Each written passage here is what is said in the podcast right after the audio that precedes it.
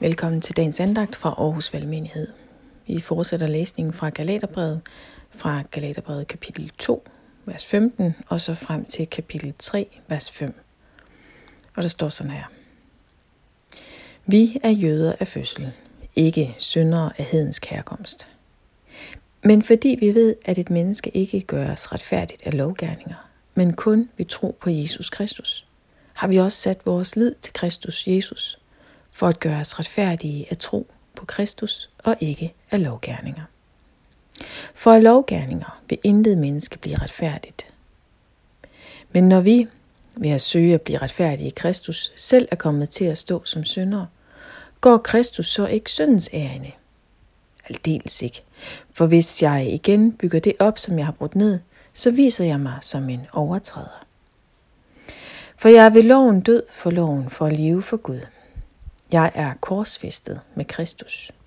Jeg lever ikke mere selv, men Kristus lever i mig. Og mit liv her på jorden lever jeg i troen på Guds søn, der elskede mig og gav sig selv hen for mig. Jeg ophæver ikke Guds nåde, for hvis der kan opnås retfærdighed ved loven, er Kristus jo død til ingen nytte. Uforstandige galater, hvem har forhekset jer? Jesus Kristus er du blevet aftegnet for øjnene af jer som den korsfæstede. Dette ene vil jeg have at vide af jer. Fik i ånden ved at gøre lovgærninger, eller ved at høre i tro. Er I så uforstandige? I begyndte dog i ånden. Vil I nu ende i kødelighed? Er alt det her sket med jer til ingen nytte? Hvis det da virkelig var til ingen nytte. Han, der giver jer ånden og gør undergærninger i blandt jer. Gør han det, fordi I gjorde lovgærninger, eller fordi I hørte i tro. Hvem har forhekset jer, skriver Paulus her. Hvem i alverden har bildt jer ind, at der nu lige pludselig skal lægges noget til troen for at blive frelst? Paulsen taler virkelig med store bogstaver her i dag. Menigheden er kommet ud på et skråplan. Frelses vi af noget ved tro, eller er vi bundet af loven, af gerninger, af omskærelsen? Altså, er det hele virkelig så enkelt, som det lyder, at blive frelst ved tro? Og det Paulus gør, det er, at han peger på korset. Han peger på Jesus Kristus som den korsfæstede. Guds søn, der netop døde for os. For hver enkelt i menigheden i Galatien. Og for dig, dig der sidder og lytter med her i dag. Jesus Kristus er dog blevet aftegnet for øjnene af jer som den korsfæstede, siger han. Jeg ved ikke, om du er døbt.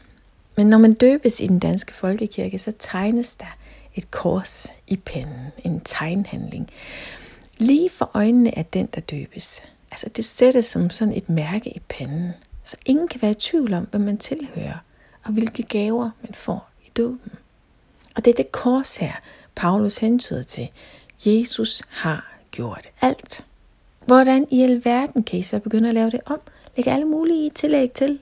Falde tilbage i lovens suppe. Af egen magt forsøge at opfylde alt det, som jeg overhovedet ikke kan. Det er det, vi særligt lige mindes om i dag. Fordi, helt ærligt, der er virkelig os ord til os i dag. Det er lige så meget os, der har brug for at høre de her ord. Vi har brug for at blive mindet om, vi skal ikke lægge noget til. Vi skal ikke præstere. Vi skal ikke vise vores pæne liv frem for at komme i betragtning til frelsen komme i betragtning til at få lov til at følges med Jesus, til nærværet og til fællesskabet med Gud selv. Men korset gælder for os. Det er så enkelt. Og det er så svært. Det er så svært ikke at sidde med en lille fli af behov for at gøre noget. For at gøre sig fortjent, for at give. Men det er det, der er så paradoxalt her, fordi ved korset, der må vi bare sætte os at tage imod.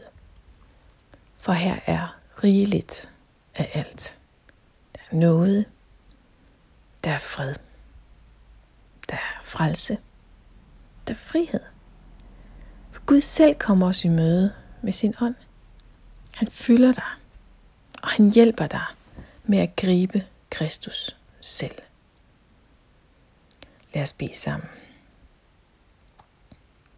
Jesus, tak for korset. Tak for frelsen, du rækker til os. Og tak, at vi må stå med åbne hænder og tage imod. Og Helligånd, vi beder, at du vil komme, og du vil fylde os.